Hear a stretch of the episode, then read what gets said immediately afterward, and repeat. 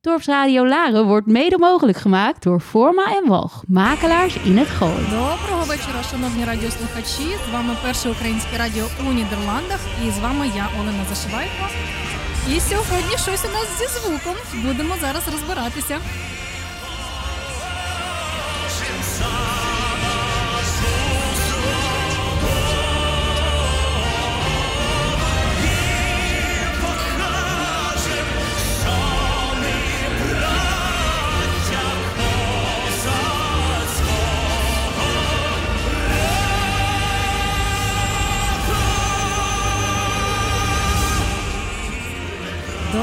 Вечора, шановні радіослухачі. З вами перше українське радіо у Нідерландах. І з вами я, Олена Зашивайко.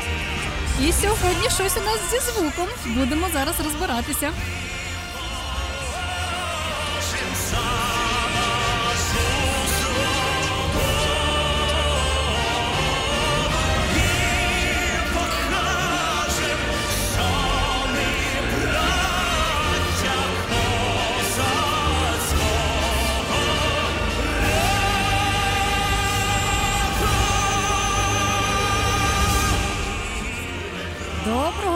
Шановні радіослухачі. З вами перше українське радіо у Нідерландах. І з вами я, Олена Зашивайко.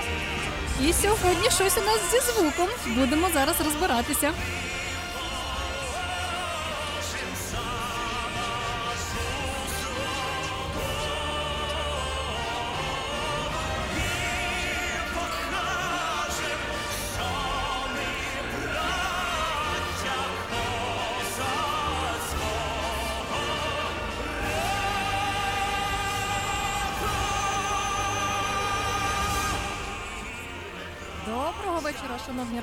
Радіослухачі. З вами перше українське радіо у Нідерландах. І з вами я, Олена Зашивайко. І сьогодні щось у нас зі звуком. Будемо зараз розбиратися. А прем'єр Джонсонюк Борис, танки грезік Барбарес. А прем'єр Джонсонюк Борис, тан танки грез, тан танки грез. А прем'єр Джонсонюк Борис, танки грезік Барбарес. Тан танки грезік Барбарес. Прем'єр Джонсонюк Борис. Добрый день, everybody.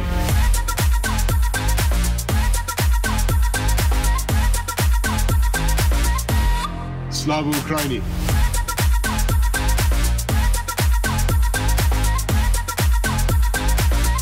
Д- Добрый день, everybody. Ukraine, love you and Moshe very much. Ukraine, love you and Moshe very much. Ukraine, love you and Moshe very much. And Moshe very much. Very, very, very much. А прем'єр Джонсонюк Борис, танки грезі Барбарес. А прем'єр Джонсонюк Борис, тан танки грез, тан танки грез. А прем'єр Джонсонюк Борис, танки грезі Барбарес. Тан танки грезі Барбарес. Прем'єр Джонсонюк Борис, Джонсонюк Борис. Слава Украине!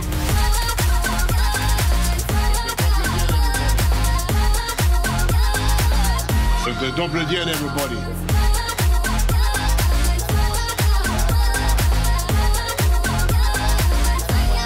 Слава Украине!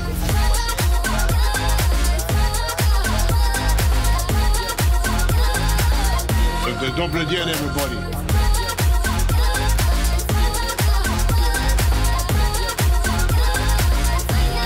Слава Украине! Пане Борис, пан- пане Борис, слава Ісусу Христу.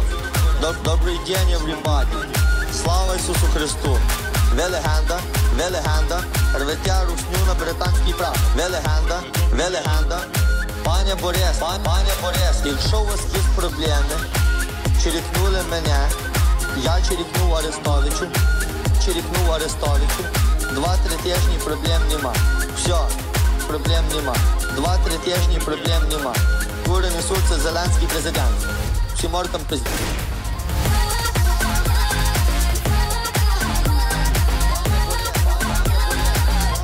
Добрый день, everybody.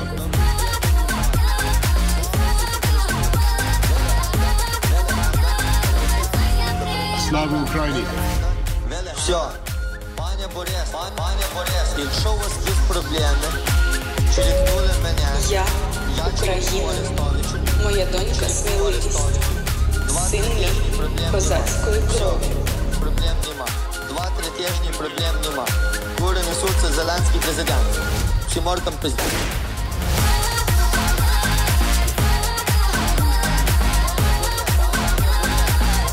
The добрый день, everybody.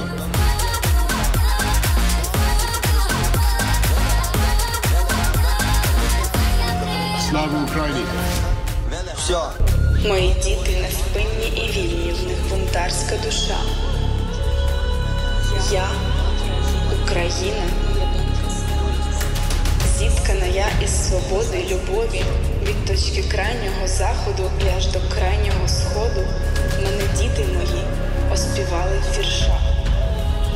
Я Україна.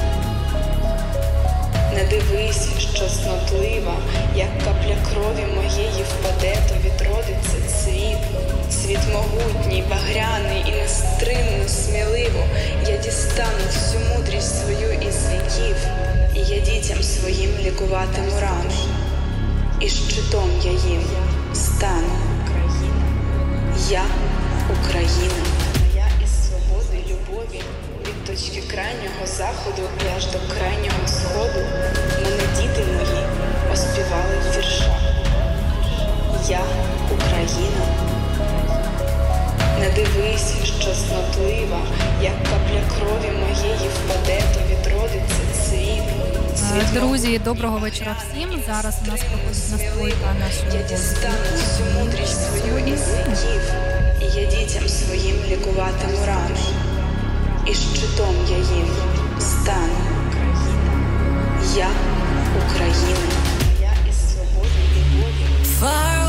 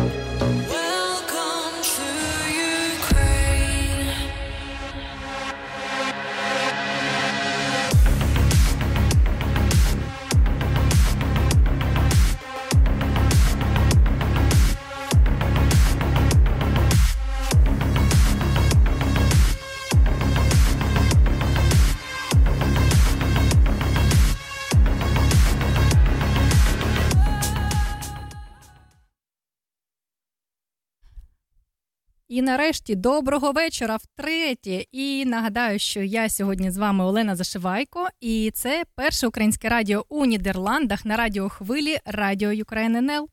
Як добре, коли в команді у вас є дуже гарні і талановиті люди, звукорежисери і оператори, котрі можуть відлагодити всю систему одразу за 5 хвилиночок. Нагадаю, що сьогодні 245-й день війни Росії проти України. До нового року залишилося лише 66 днів. І ви знаєте, кожного разу, поки буде тривати війна в нашій країні, ми не будемо стомлюватися нагадувати світові про те, що вона триває. І цитуємо слова нашого президента Володимира Зеленського: ми ніколи не забудемо кожного і кожну, хто бореться за Україну, хто віддав за неї своє життя. І наша пам'ять це не все, що в нас є. Наша незалежність, яку ми збережемо і передамо нашим дітям і онукам, наша перемога, яка обов'язково буде, стануть найкращим ушануванням пам'яті всіх, хто загинув у цій війні. Давайте згадаємо всіх, хто поклав своє життя за свободу, незалежність та суверенітет України. І давайте вшануємо кожного українця, хто боронить нашу країну у цій війні, наступною піснею. Thank you.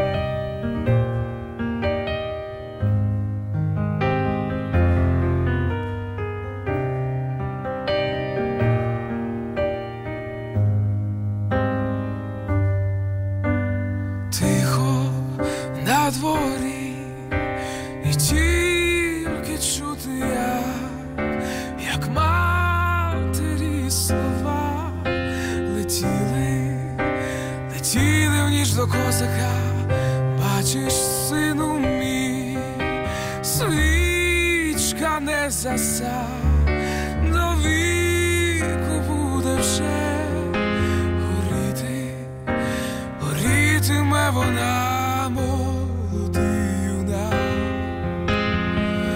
молодий козак.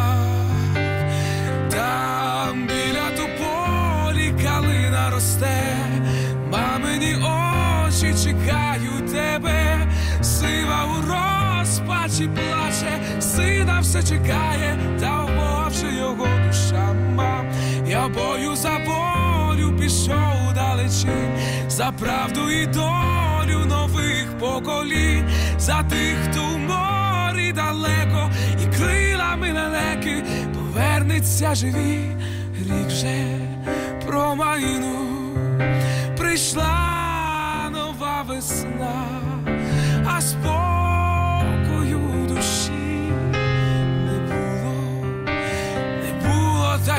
нема там. Батько змучений, сам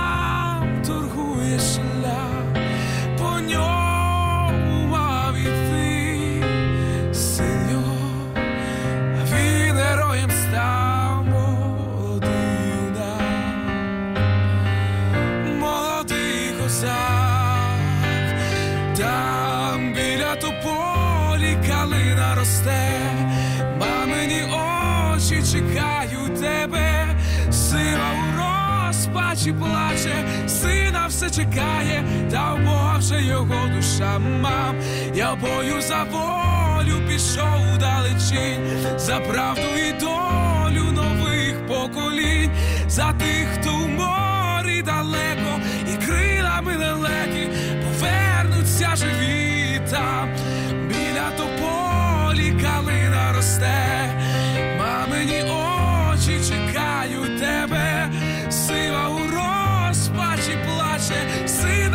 чекає, та Боже його душа. Мав, Я бою за волю пішов далечінь, за правду і долю нових поколінь, за тих, хто у морі далеко, і крилами лелеки повернуться живі.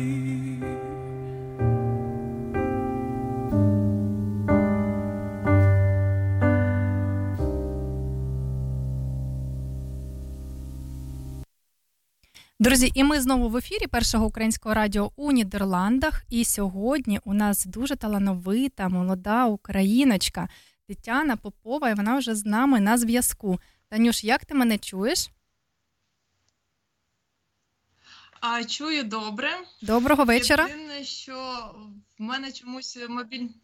Так, так. Доброго вечора. Да, я тебе чую також дуже гарно. Добрий вечір. На жаль, у мене чомусь е, погано працює інтернет е, на телефоні і не можу приєднатись до прямого етеру У інстаграмі. в інстаграмі. Зачекай, я бачу від тебе запит.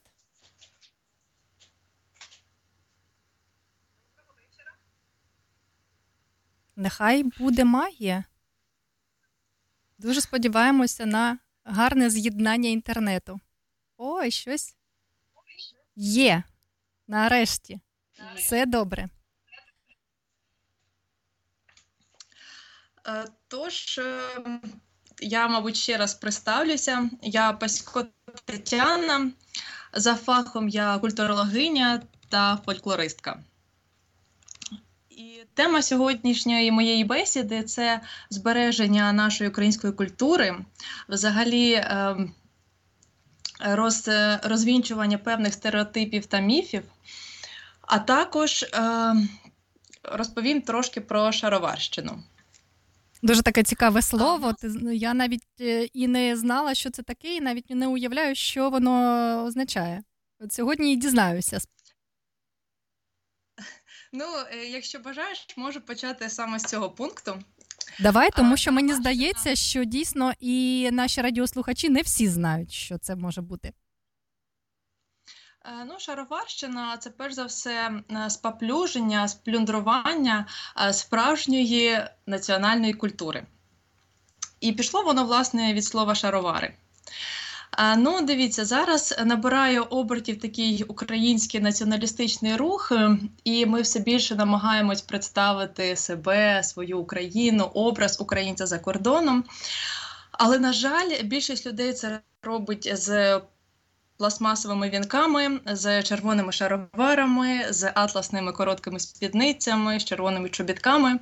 Але насправді це не відповідає дійсному образу українця. Е, ну, е, дивіться, шароварщина е, вона була занесена нам совітами для того, щоб це не тільки була наша проблема, це була проблема всіх окупованих територій радянською владою для того, щоб стерти між нами кордони, для того, щоб ми е, забули свій генетичний код. Адже, мабуть, Неодноразово ви чули про те, що е, вишита сорочка, е, саме вишиті узори, це там генетичний код, що ти, коли її одягаєш, ти відчуваєш себе так благородно, е, так красиво і вишукано, вишукано, і це не дарма, так говорять. Тому що вишита сорочка, вона, та й взагалі весь український стрій. Він мав свої регіональні особливості. Е, Тобто е, кожен регіон, навіть кожне окреме село, е, мало свої візерунки, мали свою кольорову гаму на вишитих сорочках, мали свої канони щодо носіння певного одягу. Використовувалися обов'язково якісні дорогі тканини, дорогі стрічки, намиста. Це все було дуже дорого і дуже красиво, особливо святкове брання. Тому що українці любили себе і завжди хотіли виділятися чимось красивим. А от е, шароварна культура, е, вона, знаєте, така, або ще її називають сценічною. В переважній більшості це синтетичні тканини, е, це вишиті узори, які не мають свого давнього генетичного коду. Тобто люди, коли її одягають, воно не несе собою ніякого символічного змісту. Е, І окрім того, важлива проблема, яка є наразі, це те, що е, вінки в традиції українській обов'язково одягали молоді незаміжні дівчата. Це був е, символ дівоцтва. І вінки робилися, то там це могли бути паперові квіти або воскові. Е, І останній раз дівчина одягала вінок саме на своєму весіллі. Більше це табу. Не можна було його одягати. І коли ми бачимо, коли вже такі дорослі жінки, заміжні, одягають вінки, то це ну, дуже суперечить е, нашій традиційній культурі. Е, Короткі спідниці так само. Е, Сорочка мала обов'язково торкатися щиколотки. Спідниця мала бути трохи вищою за поділ сорочки, для того, щоб він мав виглядати. Е, Загалом там є дуже багато нюансів, але е, зараз в нас е, є інтернет, є багато фольклористів, які досліджують це питання. Є такий проєкт спадок, можете в Ютубі вбити, є весільний спадок, де мої колеги-фольклористи показують справжній одяг, справжні строї. І, мабуть, виникає питання: а що ж тоді робити, якщо в нас така навала е, цієї шароварщини, тобто можна легко піти там на ринок, на якийсь сувенірний, е, сувенірний магазин і купити собі псевдонародний одяг, а де ж взяти справжню автентику і що робити, якщо її неможливо знайти? В нас е, в Україні є майстри, які займаються відтворенням цього одягу, відшивом. Звісно, це буде дорого. Не варто розраховувати, що це дуже дешево. Але, як мінімум, е, ви, коли будете його одягати, ви будете впевнені в тому, що ви несете справжню українську культуру, в тому, що цей одяг е, і символи, які на ньому вишиті, вони сягають е, давньої давнини. І це насправді, ну, це насправді вишукано і красиво. І порівняно з іншими людьми, які будуть одягати такі шароварні речі, ви будете явно виділятися. Дуже цікава Ось, інформація. А е, також е, мені відомо, що у різних регіонах України були е, різного типу візерунки. Так, це правда? Так, звісно. Мгм. Е, насправді кожен регіон, кожне навіть село виділялося своїм орнаментом і кольоровою гамою. Е, Їх настільки багато, що запам'ятати це ну дуже складно. Є фахівці, які от вони взяли собі таке русло традиційного одягу, вони це вивчають, вони це досліджують. І власне. Вони можуть більше розказати про регіональні особливості кожної сорочки, кожного одягу. Бо е, так само навіть спідниці відрізнялися, відрізнялися керсетки, крайки, плахти. Е, але ну, це таке різноманіття, яке нам потрібно берегти. Це знаєте, це так само, як ми говоримо про діалекти. Дехто каже, типу, що от діалекти ми повинні там тільки чистою мовою говорити, але насправді е, чим більше діалектів, тим різноманітніша наша мова. І так само, чим більше в нас різноманітніший стрій, тим багатший він, багатший наш традиційний одяг. Дуже цікаво.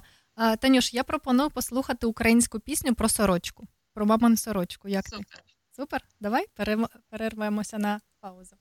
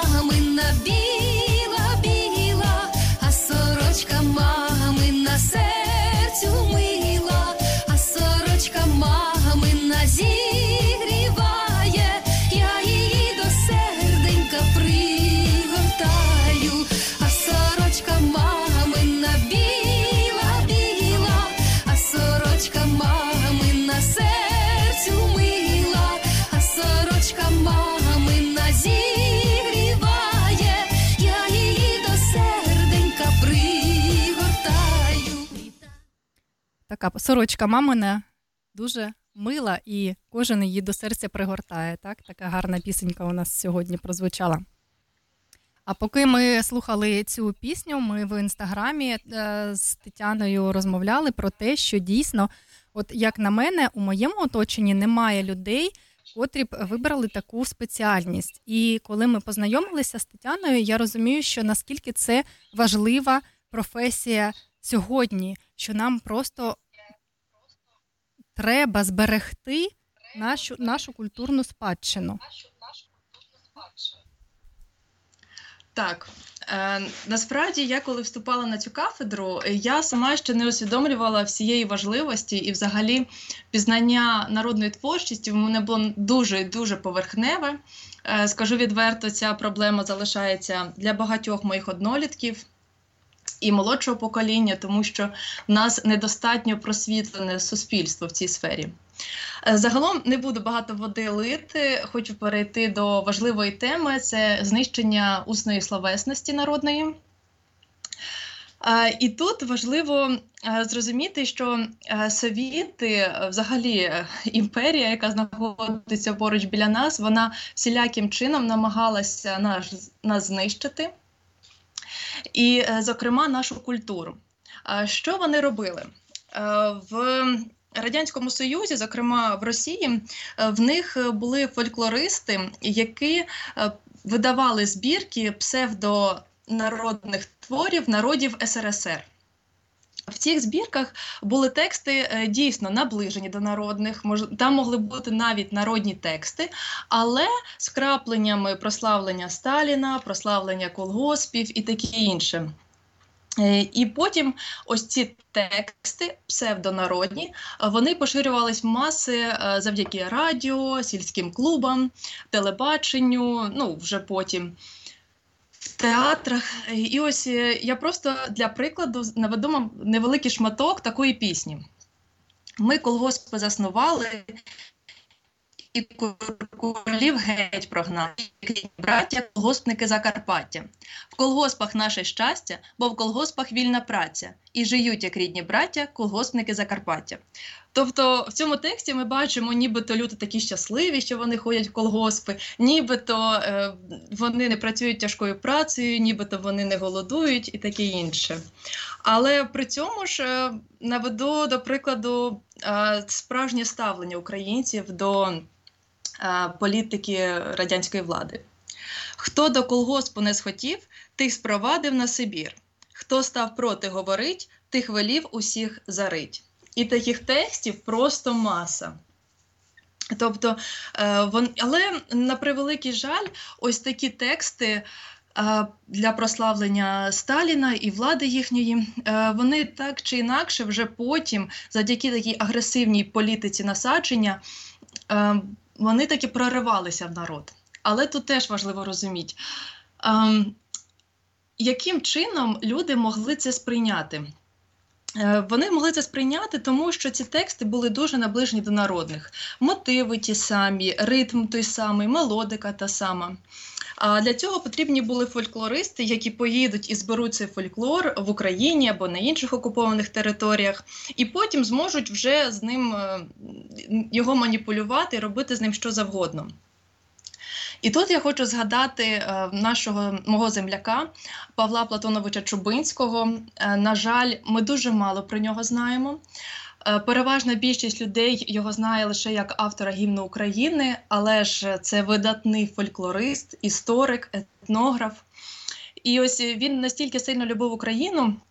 е, За часів ем, Російської імперії е, він організував, точніше, йому доручили експедицію в південно-західний край, завдяки якій ем, він з його однодумцями змогли випустити сім томів трудів етнографічно-статистичної експедиції в Західноруський край. Е, Що це за томи?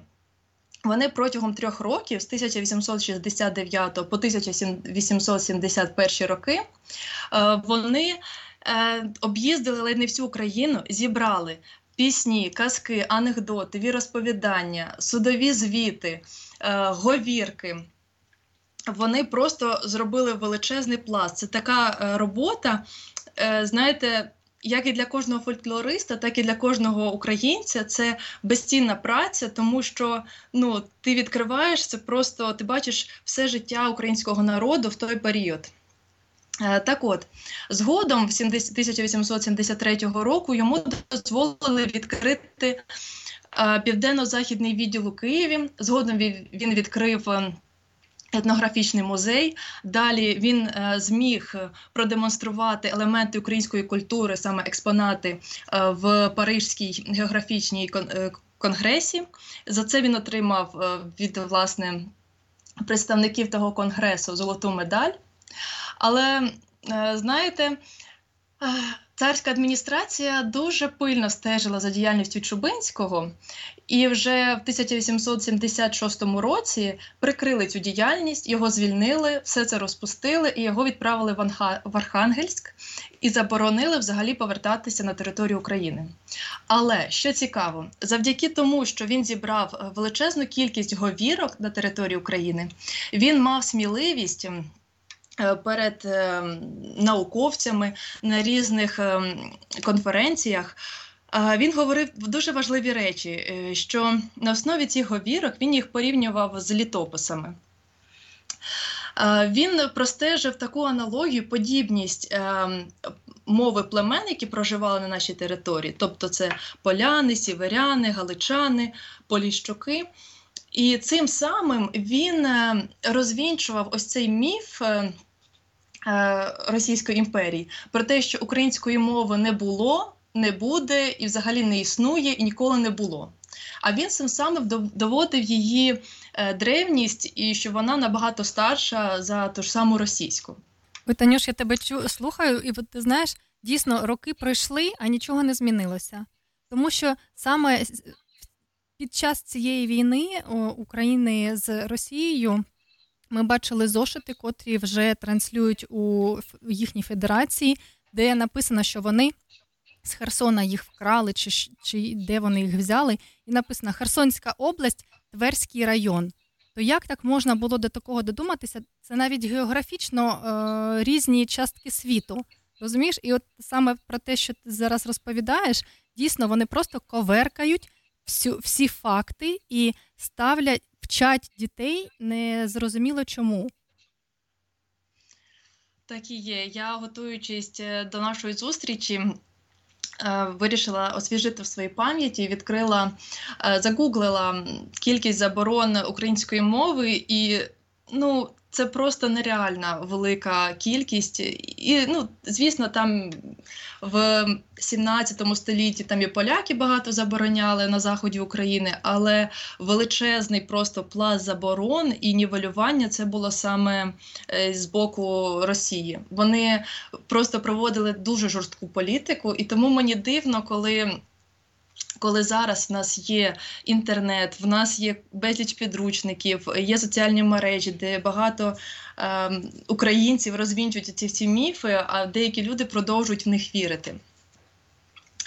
Е, власне, до чого я була про Чубинського? До Мгм. того, що е, за рахунок от ось таких праць, як видав він і, багато інших фольклористів, вони мали змогу е, е, розуміти, для чого ось ці праці були цінними для царської імперії і для Радянського Союзу. Адже по суті їм не вигідно було, щоб українці взагалі згадували своє коріння, бо саме культура і мова є душою народу. Якщо це забрати, то це виходить просто маса людей, нічим не об'єднаних, якими можна маніпулювати. Вони розуміли, що вони не можуть просто взяти все це забрати е, за рахунок своїх заборон. Бо люди так чи інакше будуть продовжувати співати, будуть творити, будуть згадувати. Це все передається з вуст в уста. Для цього е, вони досліджували власне через народну творчість, як мислить народ, його світогляд, його думки, його м, побут. І потім, ось за рахунок ось таких сковерканих е, пісень, е, вони насаджували своє. Ось тут варто згадати про сільські клуби. Е, коли в нас е, почалися ці репресії, почались колгоспи, коли людей розкуркулювали і заганяли, вони настільки сильно страждали. е, Ну, фактично голодували, тому що ну і власне тут і голодомор можна згадати. Але була дуже тяжка праця в цих колгоспах, і людям потрібно мати було якусь розраду, бо е, всі їхні думки були про те, що ну, прокльони Сталіна, прокльони Совєтів, і їм треба було мати якийсь ем, ось цей духовний, духовний вилив е, своїх емоцій. Звісно, вони тоді продукували свої твори, але радянська влада мала на це якось впливати. І вони придумали сільські клуби. Е, Вони туди якби не те, що заганяли, але вже потім, коли вони розуміли, що люди просто так не йдуть в ці сільські клуби, тоді вже й заганяли. Це такого, е, такого роду спосіб пропаганди. Завідувачі цих ем, сільських клубів е, вони переважно отримували певну освіту. Це були там хормейстри, баяністи, акордеоністи і таке інше. В них співали пісні ось такого типу про звеличення Леніна. В них відбувалися пропагандистські вечори, лекції, агітації різноманітні. Я читала статтю, де розповідали про те, що на- на заході України. То там був було більш таке націоналістичне спрямування людей, і е, повстанці, і партизани вони забороняли своїм односельчанам ходити в ці клуби, е, навіть під приводом розстрілу. Тому що вони розуміли, що це від що це таке. так, вони розуміли, і ем, потім була жорстка політика насадження школярів на всі ці пропагандистські речі. Е, для цього вони розуміли, що ем, викладачі на заході України не будуть говорити потрібні речі для совітів, і вони засилали їх зі сходу України, які вже давно були під. Е, Радянською імперією, ну точніше, е, радянською владою, і вони е, вже були давно під цією пропагандою, їм було легше це доносити, скажімо так, своїм, своїм землякам. Але знову ж таки, там був це були 40-50-ті роки минулого століття. Там все було не так легко, бо партизанський рух так чи інакше давав дуже сильну, дуже сильний спротив. Але все одно совітам вдалося навіть це переломити. І, до речі, про баяни і акордеони. Це теж не наші не наші інструменти, вони так само були нам нав'язані. Е, для чого? Взагалі, ось ця вся шароварщина, ось цей весь традиційний, нібито традиційний одяг, ось ця така музика, е, баяни, акордеони. Це все було створено для е, створення такого одного культурного простору всіх радянських народів, угу. для того, щоб стерти між нами кордони, щоб ми були. Ну, всі Бра- братськими народами, щоб ми були братськими, так? Так. так. В нас ж традиційні це троїсті музики, це е, скрипка, бубон, цимбали. І е, мені дуже хочеться, щоб в майбутньому е, наша українська культура перестала бути в якійсь тіні. І от я просто згадую свої шкільні роки до того, як я вступила на цю кафедру фольклористики. Для мене, е, ну що таке українська культура? Ну, це щось таке сільське, це те, що там бабуся щось співала. Ну, це ось ці самі жіночки з віночками під баян. Ну, все. Це якийсь там один е, один розділ в підручнику з української літератури і більше нічого. І тому Тань, а скажи, от був... у мене просто з'являється питання: як ти вирішила піти саме на цю кафедру? Ну як? Ну це ж це ж таке е, рішення було піти навчатися саме е, на, на фольклор. А, Ну, на той момент, коли я вступала на цю кафедру, потрібно було пройти творче випробування. Я ще не знала, що потрібно саме зробити. Я не знала, яке саме буде зміст цього навчання, але мені стало дуже цікаво, тому що спеціальність була така: фольклористика, українська мова, література та іноземна мова. І я думаю, ну цікаво і українська філологія, і англійська філологія, і фольклористика, і це щось творче. Я ще плюс там бачила певні брошурки стосовно цієї кафедри, там вони десь їздять, виступають. Я така, ну я таке люблю, ну спробую. От так це було насправді. Я спробувала, пройшла в першому турі, така, ну добре. Цікаво. А виявляється, то таке, така професія виявилась всього життя. Тому що я бачу, як ти з захопленням розповідаєш про українську культуру? Е, так, знаєте, мої шість років навчання в інституті філології це, мабуть, одні з найкращих років мого життя, тому що моя спеціальність дійсно дуже творча, бо ми, окрім того, що займалися там ну, дослідженням народної культури, е, нам дуже пощастило. Дуже пощастило. Ми були останній курс, для яких знайшлися спонсори, які нам допомогли вирушити фольклористичну експедицію, і ми ну, на собі відчули, як це збирати фольклор, як це знаходити підхід до старожилів села, як ну, тобто, як це все.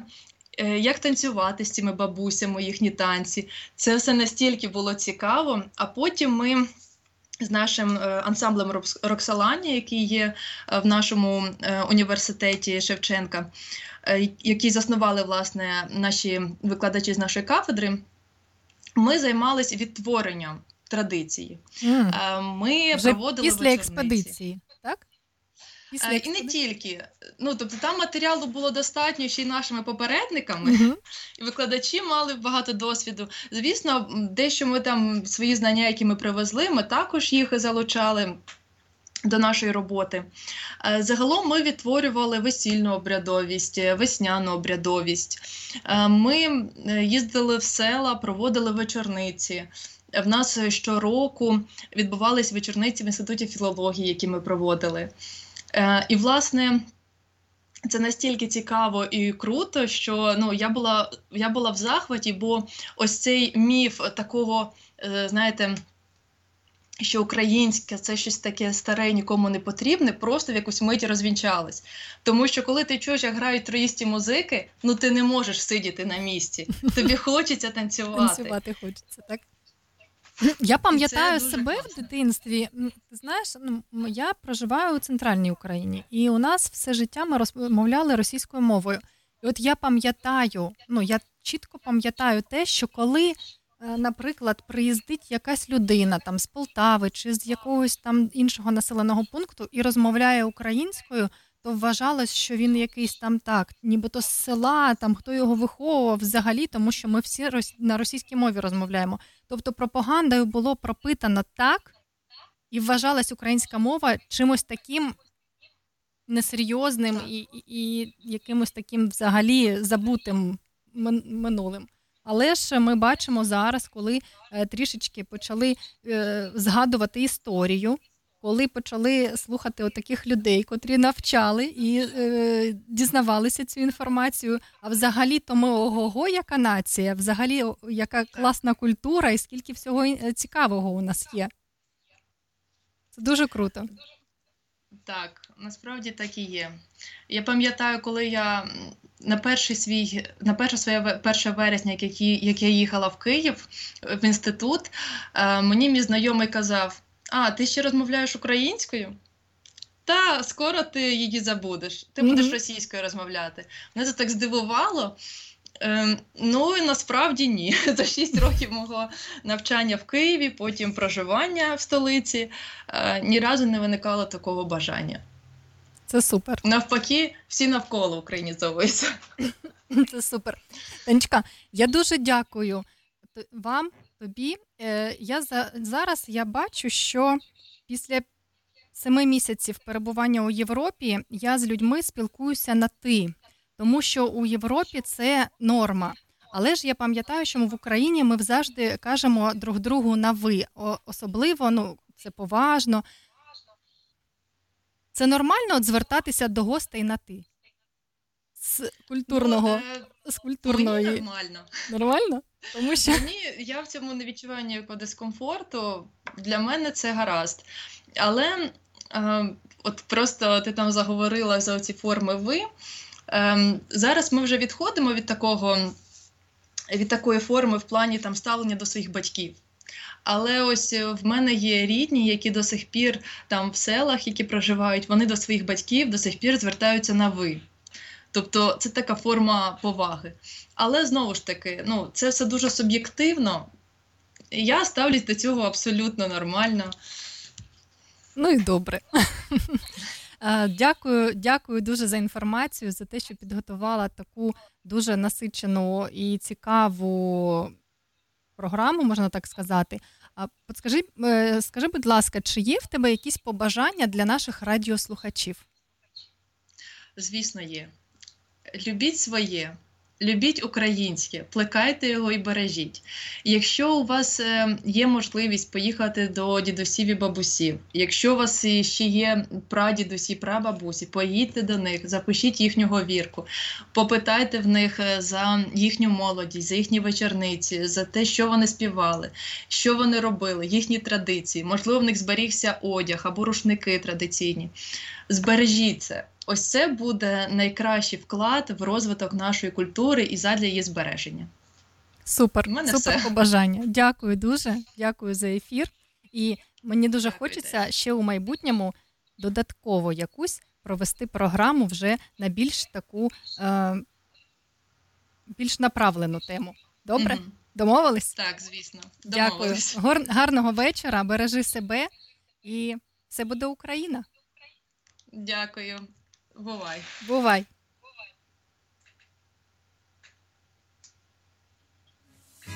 І гуркоче, і бурчить, відки взявся, я не знаю, чим прийдеться закінчить. Хвиля радісно плюскоче, та листиться до чумна, мов дитя цікаво шепче, і розпитує вона. Хто ти човне, що шукаєш, відки і куди пливеш, і за чим туди шукаєш, що пробу чого ще ждеш, біг мій вічний, тоже не знаю. Пиля носить, буря реве, скали грозять, надять, просять к собі береги мене. Мене що тут думать, що тут жити, що питатися про ціль, нині жити, завтра гнити, нині страх, а завтра біль. Кажуть, що природа мати держить нас, як їм дам трем, а в кінці мене цілого знов до себе відбере. Не хто ти човне, що шукаєш, відки і куди пливеш, і за чим туди шукаєш, що пробув чого що ждеш. Біг мій вічний, то не знаю. Хвиля носить, буря реве, скали грозять, надять, просять к собі береги. Мене. Мене.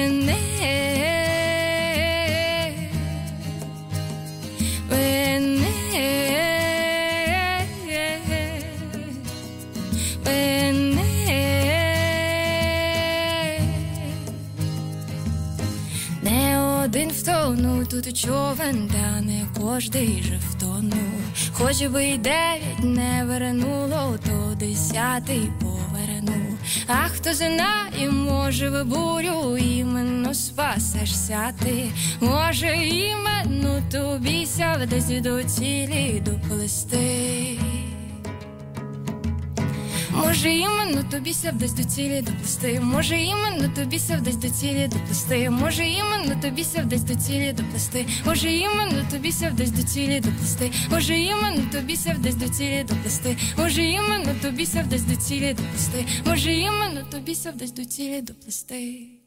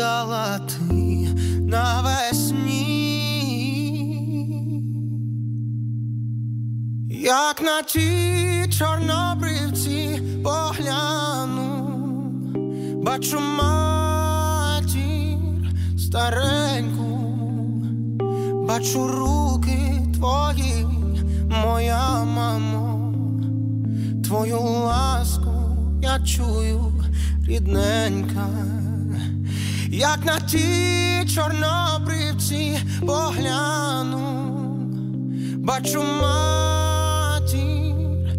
стареньку, бачу руки твої, моя мамо, твою ласку я чую, рідненька.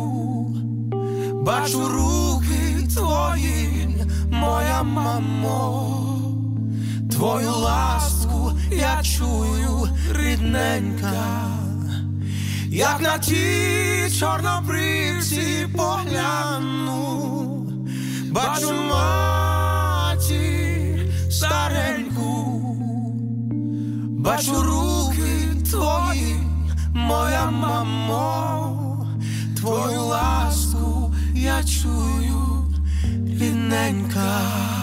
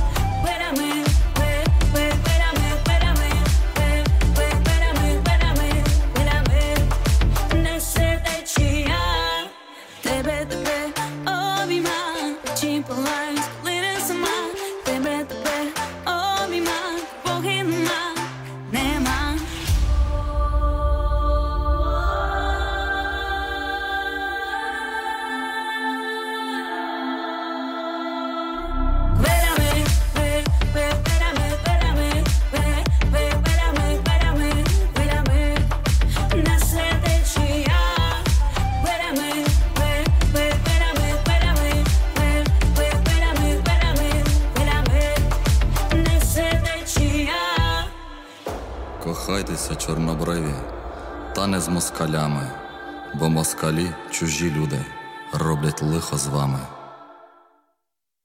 І ми знову в ефірі першого українського радіо у Нідерландах. Сьогодні у нас дуже така цікава тема про творчість, про українську культуру. І сьогодні до нашої студії завітала чарівна Анна Смоловик.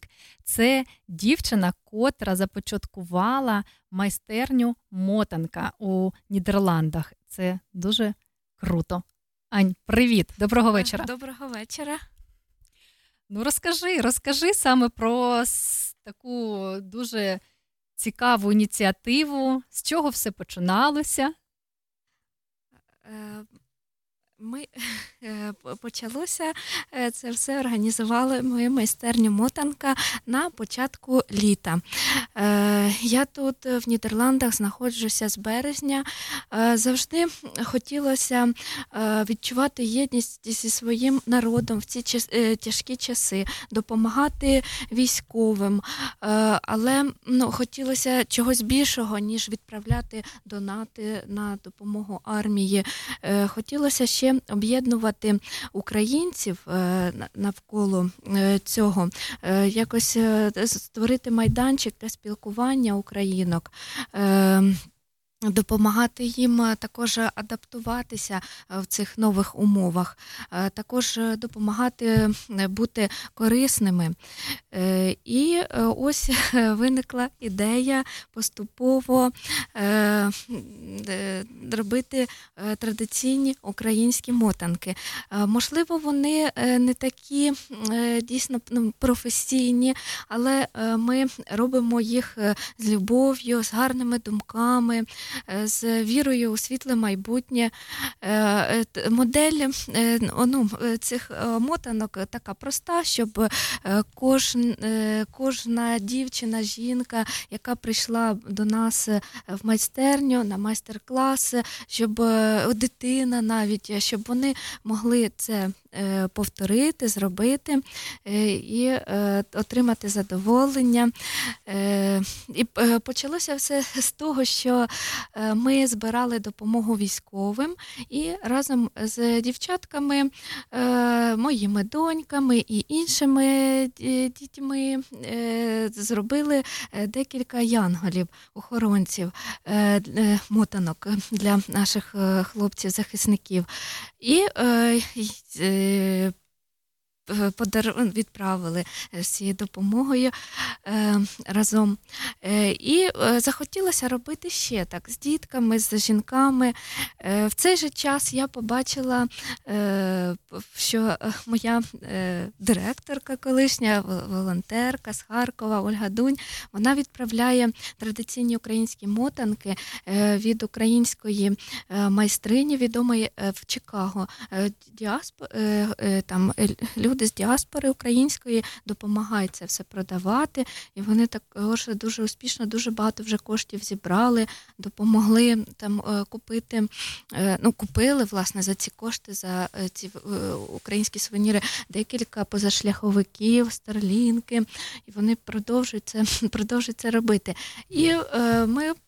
Такий гарний приклад, хотілося також е, робити щось подібне. Так цікаво, е, позашляховики і кукла мотанка. Я ж розумію, що ну це малень. Я розумію, тому що я своїми руками також це робила, і я, знаю, скільки ну за скільки по край... е, принаймні у Нідерландах скільки вона коштує. Так. А щоб назбирати на позашляховик, це ж скільки було е, їх відправлено і багато, продано так, дуже так, багато.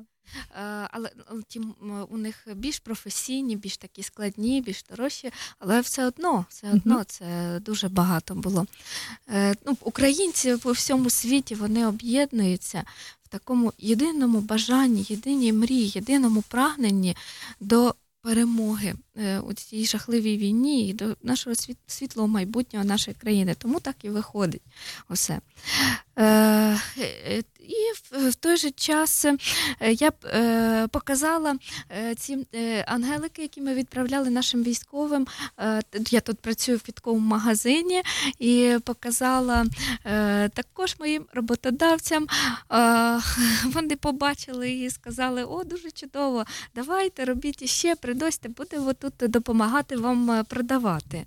Взагалі нідерландці дуже класно ставляться до такої ініціативи, тому що вони о- обожнюють все таке красиве, янголятків, всякі так. е, скульптурки такі. І дійсно, я скільки бачу, то всі у захваті просто від цих янголів. Так, так. Особливо зараз буде Різдво, дуже актуально. Ми зараз активно працюємо над тим, щоб е, виготовляти ще. На ялинки Е, дуже, е. дуже гарні е, такі прикраси. Тож долучайтеся. У нас у нашому телеграм-каналі сьогодні я опублікувала саме посилання на е, майстерню мотанка у Фейсбуці. Тож переходьте за посиланням, підписуйтеся. Е, Приїздіть до нас, до Ларина, і приймайте участь. І навіть Ань, розкажи ж, будь ласка, що вже повідкривалися філіали у інших містах. Так, все це подобається українкам, що вже і у інших містах дівчата також збираються і роблять е, такі ангелики. Так, в Зандамі там активна українська спільнота. Е, Вони там також е, роблять е, і, е, мотанки, інші, інші сувеніри, залучають дітей. Е, В них там є магазин, де е, продають ті сувеніри. Ну, там, е, е, і Волонтери там працюють українські, і вони дуже активно допомагають нам також продавати. І, до речі, за цей час е, ми е, заробили, е, продаючи ці сувеніри. Це не тільки ангелики, це і серця, браслетики, птахи. Навіть ми продавали так, ще робили, робимо зараз. Е, е, мотанки, трав'янички із травами з України, е, які надіслала. Е, Мені е, моя подруга е, Льона Удовікіна, яка мешкає в Харківській області, селище Есхар.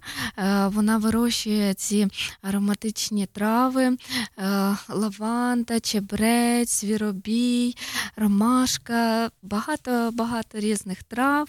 Ми отримали велику, велику коробку, і зараз це дуже приємно. Робити ці трав'янички, бо аромат стоїть е, Аромат, я, навколо. я чесно скажу, дуже тому що на, на власному досвіді знаю, тому що це дійсно ти, коли робиш ці лялечки, ти занурюєшся у таку атмосферу, тому що Аня вмикає українські традиційні обрядові пісні, такі спокійні. Ми сидимо у гарній компанії. І е, Анечка заварює трав'яний оцей чай. Е, стоїть така велика ваз, ваза, не ваза, як це правильно сказати, корзина е, з цими травами, зіллями. І ну, нідерландці проходять тут у цьому приміщенні. Є секюріті місцеві, і вони спочатку взагалі не розуміли, що відбувається. Що ж це за аромат такий йдеш? Ну що що це, де це? І Вони підходили, дивилися, дуже було цікаво. А зараз вже вони звикли. Вони розуміють, що Анна приходить кожного кожних вихідних, збирає дівчаток, і це відбувається така магія. Магія по створенню дуже красивих і таких. Ну, підкажи, яких дуже красивих і таких, знаєте, як святих, можна сказати, вже лялечок. Оберегів. Так. Ми завжди е, думаємо, посилаємо гарні думки, коли робимо е, ці обереги. Думаємо про мир на нашій землі, думаємо про повернення додому.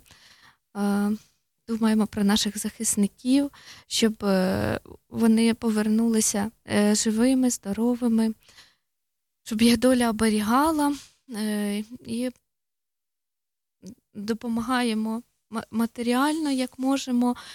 Також ми допомагали купити за рахунок коштів, виручених з продажу цих оберегів, сувенірів, тепловізори, рації. Вже близько 2100 євро ми за цей час зібрали за. Ви уявляєте, яка це сума? Більше Але... двох тисяч євро. Це взагалі щось таке неймовірне. Це, це невелика в масштабах війни, скільки всього потрібно. Але, Але це невелика. предмет коштує 5-6 євро, і це вже десь до 500 предметів ми виготовити змогли. До нас приходять хтось постійно приходить е, кожного разу, хтось е, приходить подивитися, спробувати. Ну, дуже багато людей вже брали участь. І, і до речі, коли команда першого українського радіо у Нідерландах збирали кошти на рацію Моторола і на тепловізор, то саме Анна і дівчата з майстерні мотанки були е, ініціаторами донату, який значно прискорив цю е, купівлю.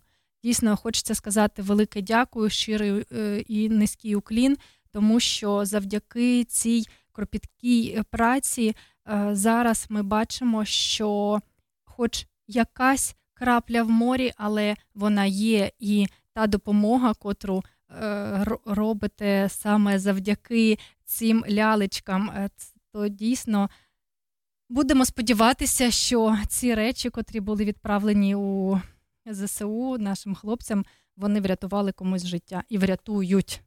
Так, так. Дякую.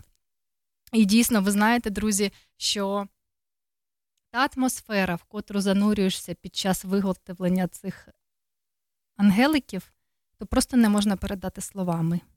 Це такий спокій, затишок.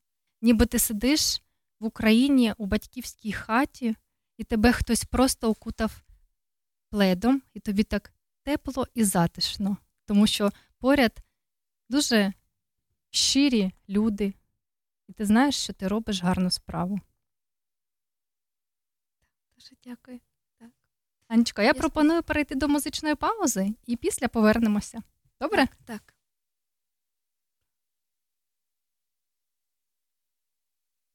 Ти спи, спи солодко, скажеш потім, як у своїм сні бачила дім,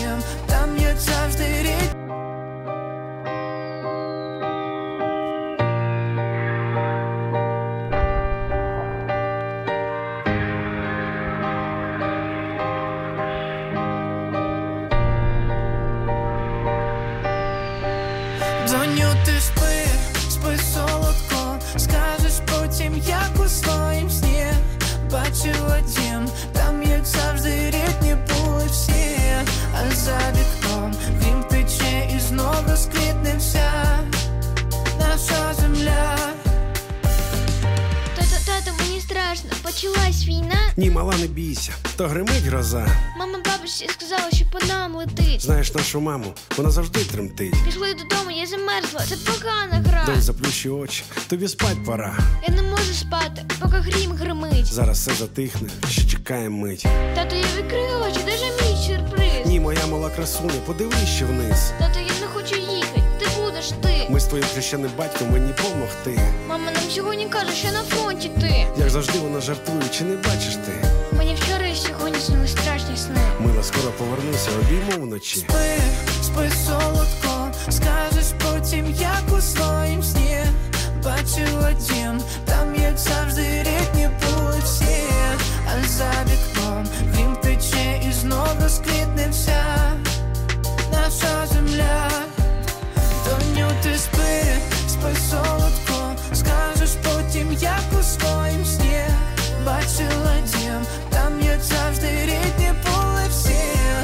за вікном. Дрім тече і знов розквітне вся наша земля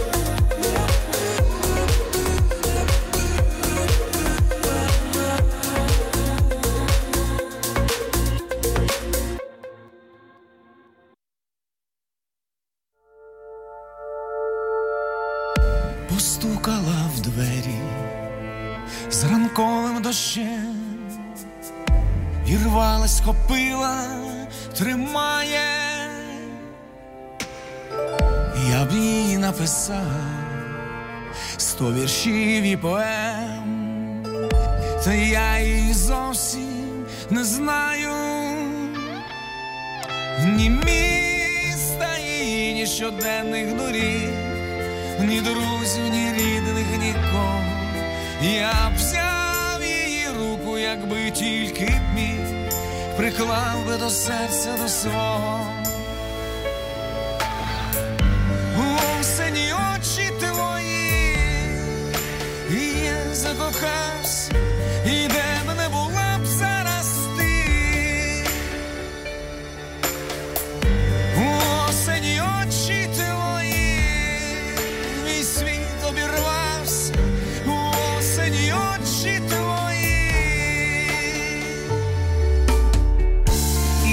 тебе не питав, в неї з ким вона спить, і по кому квітки її сохнуть. Я слухав із нею, як клен шелестить, як в жовтні садки мертво мокнуть, не знаю ні вулиць, ні дат, ні адрес. Ні розмірів ні героїв, ні віршів улюблених, ні поетес, нічого, та все ж я з тобою.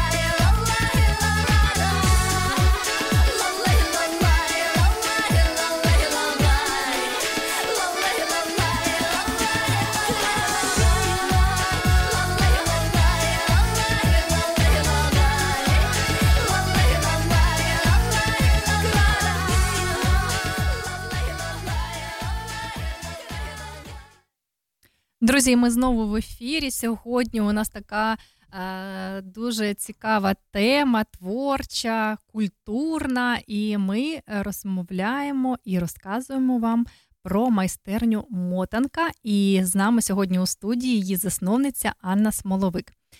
Анечко, е, дуже класна ініціатива. А розкажи ж, будь ласка, нашим радіослухачам, що це саме таке ця лялька-мотанка? Ну, що це таке? Тому що, ну, якщо ти не бачив це, не розумієш, то можна собі щось таке навигадувати, знаєш, кумедне. Ну, давай ж все ж таки розкажемо, що то взагалі таке і для чого е, це робиться.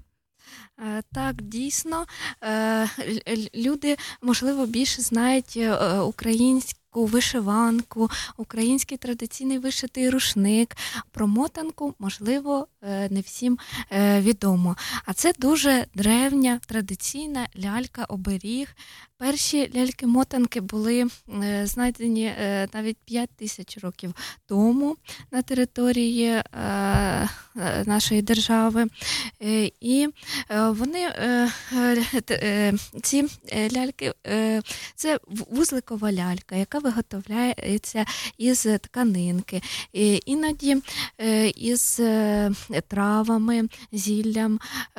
Іноді навіть мами робили для дітей гратися і вкладали туди навіть шматочок хліба, і так дитинка гралася. Тканинка повинна бути ну, е, м'якенькою. Е, е, Лялька ця традиційно без, без швів, замотується нитками. І зав'язується вузликами. Е, є дуже прості ляльки, е, є, е, як можливо, ми робимо у вигляді ангеликів, є складніші, е, там, де роблять е, традиційний хрест, який символізує сонце. На обли- обличчі на ти маєш, на обличчі так. Мгм. Одягають їх як у вишиванки. е, Мені знаєш, що е, прийшло до уваги е, саме про цю мотанку. Е, Пісня Ейджі Крейда буде тобі враже. У неї на на заставці саме лялька-мотанка, і така дуже красива з тим саме хрестиком на е, обличчі, і виш, е, вдіта у вишиванку, у обрядові такі наряди. Тож дійсно дуже багато багато різновидів е, ляльок-мотанок існує. ж саме про це і. Е... е, Це лялька оберіг, е, вона е, захищає від всього злого, приносить добро, добробут оселю, але може мати вона і такий, от як у тому кліпі, про який ти згадала, можливо, інші такі от помисли і вкладається в неї як Більш як, містичні та, як, такі? ті, як ті пісні, так буде тобі враже, так як відьма скаже. Е, і е, також ця лялька символізує зв'язок поколінь, тому що е, е, мати робила, е, дарувала цю е, ляльку своїй доньці. Е, донька виростала, там забирала з собою, і потім, коли донька вже народжувала своїх дітей, передавала далі. Ось е, такий е, зв'язок поколінь. У нас також реалізується ніби такий принцип зв'язку поколінь. Ми е, збираємося і робимо ці лялечки е, і дівчатка, і молоді жінки, і жінки старшого віку. І всім комфортно у нас в цьому колі. А навіть дуже маленька є учасниця, е, грудничок. Дитинка малесенька, їй скільки три Та, місяці. та, та, Юля з Одеси, вона приходить, вона тут народила дівчинку, і вона хоче приходити і якось відволікатися, робити щось е, руками. Вона дуже любить е, і. Е, Приходить з донечкою, так, в візочку, вона там поряд е, сидить потім на ручках, дивиться на нас, слухає пісень, музику. Дуже дуже е, цікаво, тому що дійсно більш ніж три покоління саме тут робить ці ляльки. А якщо ми уявляємо, коли це було раніше в Україні, і це передавалося із покоління в покоління. От сьогодні, до речі, у першій половині ефіру ми роз, розмовляли з Тетяною, це фольклорист, і вона саме нам розповідала про те, що радянська влада намагалася знищити українську культуру, українську мову. І е, оці такі обряди наші, і дуже гарно, що воно все ж таки з покоління в покоління передається. А зараз ще й Європа буде бачити всі ці українські обряди, і е, навіть вже. Ну, я не знаю, як там у інших містах, а у Ларині майже у кожному будинку є цей ангелик-охоронець. Так, до нас приходять е, і, і нідерландці е, робити і е, допомагати. Е, тому не тільки купують, а й долучаються. І долучаються до виготовлення. А і, на, і коли у нас був День Незалежності, розкажи про це. Так, Також гарна ініціатива. Так. Скільки дуже багато тоді було зроблено, і навіть майстер-клас був е, проведений на свято, так? Так, так, ми робили майстер-клас птахи миру. Е, Це також е, е, птахи такі з тканинки. Робляться по принципу мотанки, з, не, нит- замотуються нитками. Ну, і так приходили, і більшість саме нідерландців з дітками підходили, цікавилися і робили.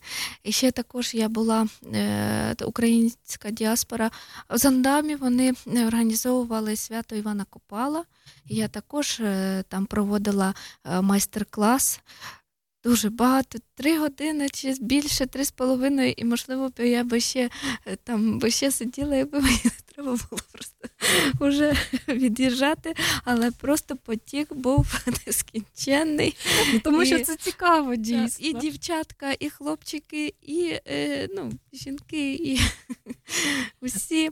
Е, так, цікаво. До речі, Анют, ти знаєш, ми маємо фідбек від лідерки руху Марш матерів у Нідерландах е, Ольги Король. І вона саме сьогодні, ми коли анонсували е, наш вечірній ефір, то ось я навіть зацитую.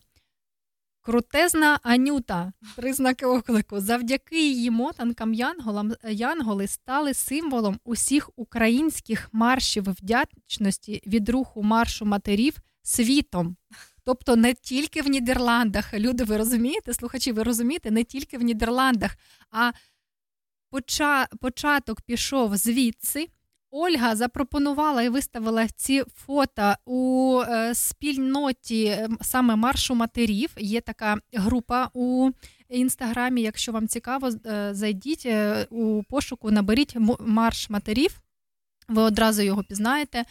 І так, так, підписуйтеся, приєднуйтеся до цих е, рухів, тому що дійсно це дуже важливо.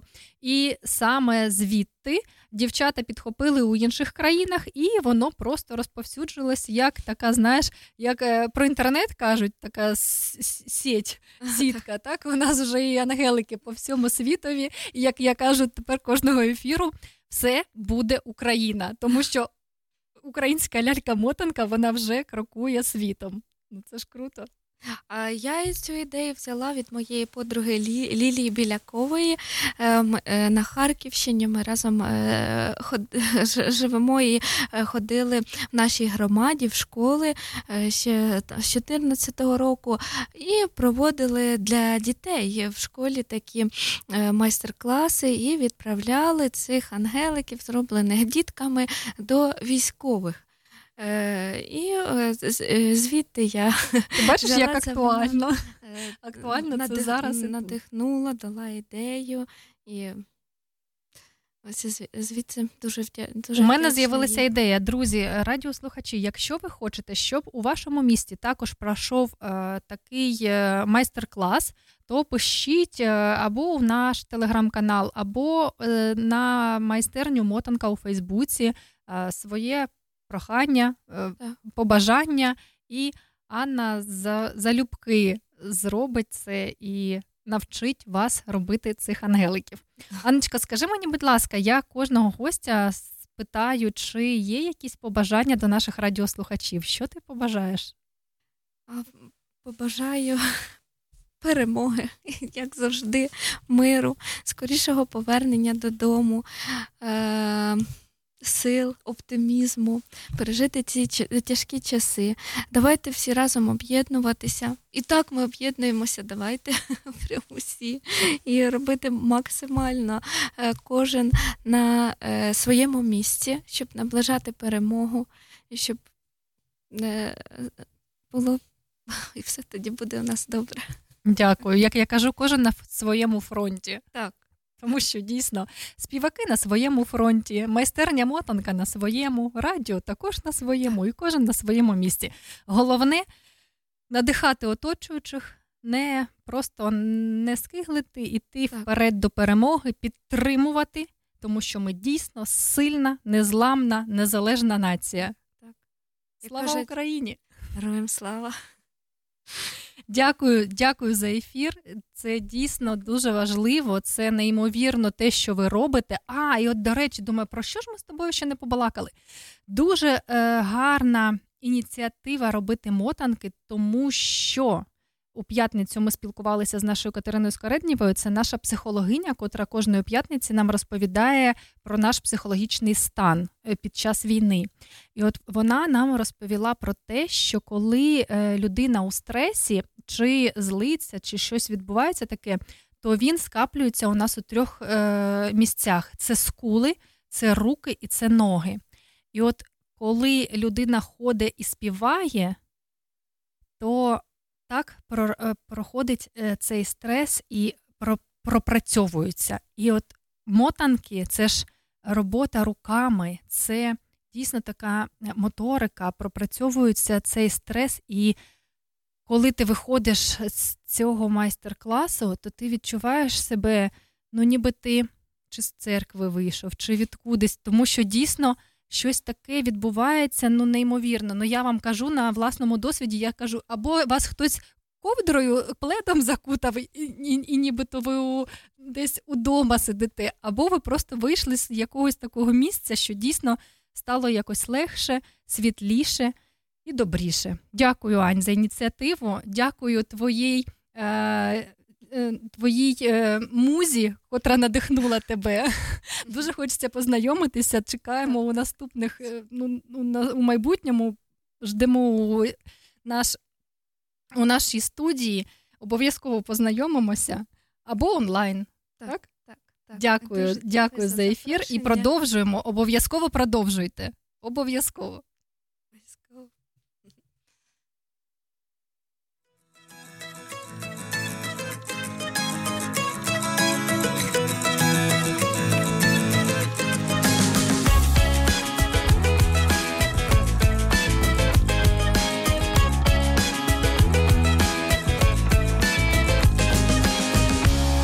Зазирни під мою шкіру, там ціле небо журавлі, там ще не вигадали віру, і море повне кораблі, там ріки тихі повноводні,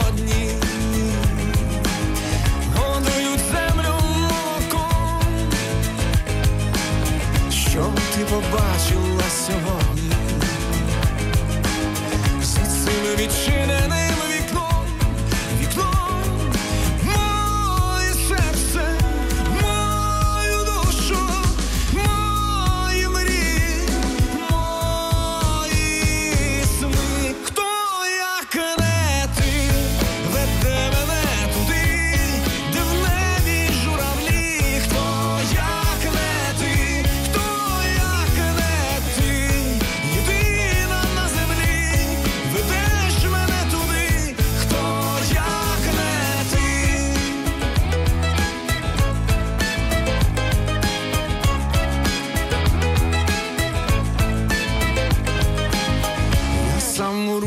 твої лезу, якщо захочеш, покладу, бо я від тебе не тверезий, та все одно до тебе йду. Я майже віру твого тіла, прийняв за істину в собі. Бери усе, чого хотіла, я віддаю лише тобі, тобі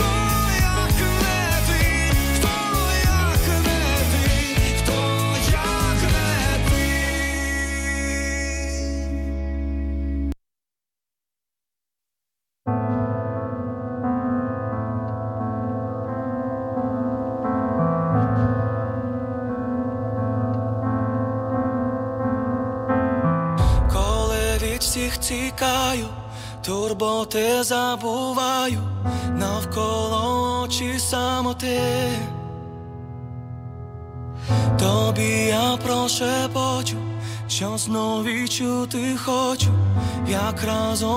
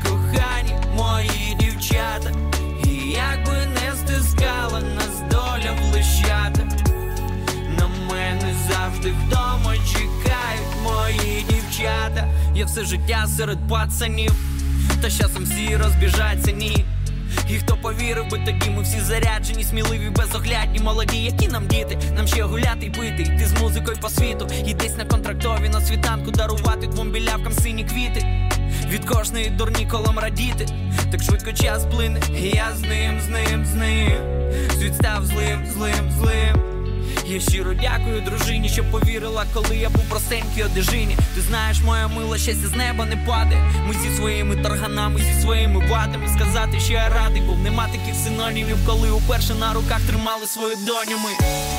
Коли немає сил, дивлюсь в рідні очати. Я знаю, у мене вірять кохані мої дівчата. І як би не стискала нас доля в лищата. На мене завжди вдома чекають мої дівчата, мої дівчата, мої красуні. Ви посмішкою гасите, коли в душі прокинувся Везувій Щоб доля не вигадала, вивезу все Життя наше доволі небезпечне шосе Хтось летить, хтось повзе, а ми в ритмі пісні Бо моє щастя сидить за мною в кріслі Я грізний, як грізлі, та коли я вдома. Відразу став ведмедиком, куди зділася втома. Всі телефони в бік потату ліземо впиняє, щоб я не подякував би небу, не було такого дня. Завжди за кадром життя складніше, в ньому є купа рутинних речей. Та нема в світі нічого рідніше, ніж оцей погляд невинних очей. Коли немає сил, дивлюсь в рідні очати. Я знаю, у мене вірять кохані мої дівчата. І як би не стискала нас доля в лищата, на мене завжди вдома чекають мої дівчата. thank you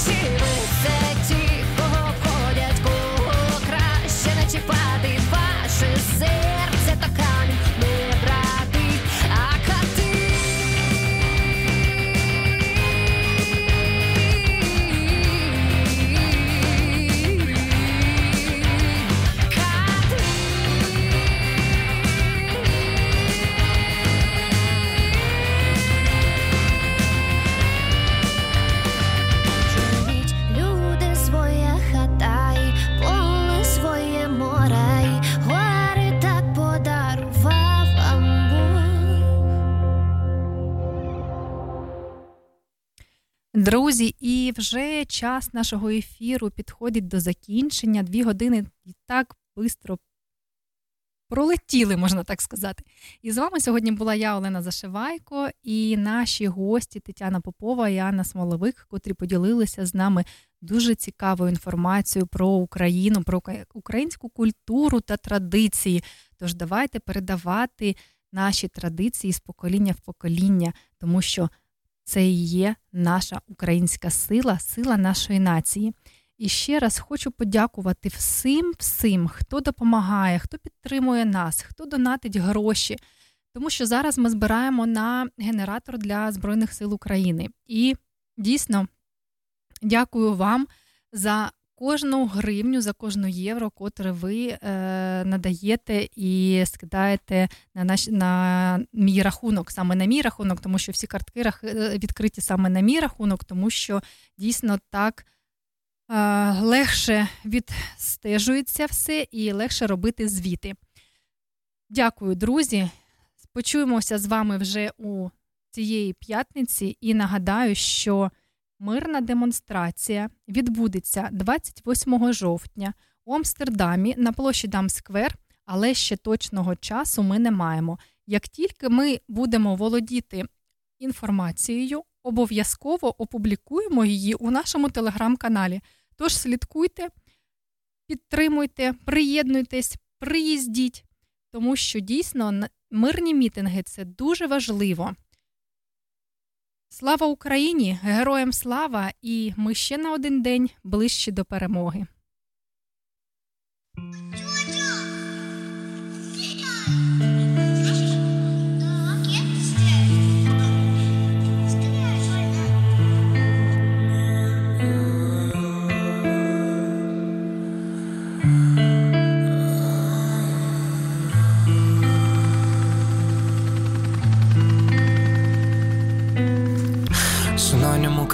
Це свобода. Люди щирі, добрі, твоя врода. На серці залишили шрами сльози. Ніколи не забудемо ніколи.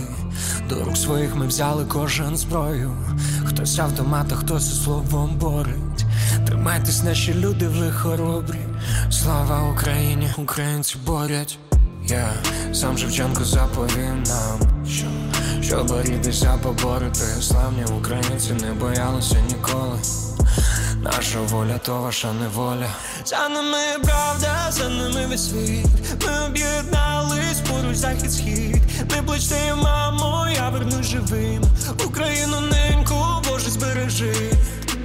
І вам слава, сині гори, кригою куті, і вам лицарі великий, Богом забуті. Борітесь, поборете, вам Бог помагає. За вас правда, за вас слава і воля святая. Вони кажуть, як нам треба жити. Чи раби колись могли навчити своїх не кидаєм, якщо поруч буде праска, ставимо капкан, буде пастка. Нашу мрію вам не вбити, наші очі не закрити. Українці Бог за нами, бо за нами, бо за нами, бо за нами, бо за нами правда, за нами весь світ.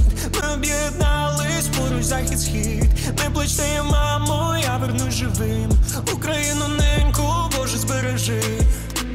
І вам слава, сині гори, кригою куті, і вам лицарі великі, Богом не забуті, борітесь, поборете,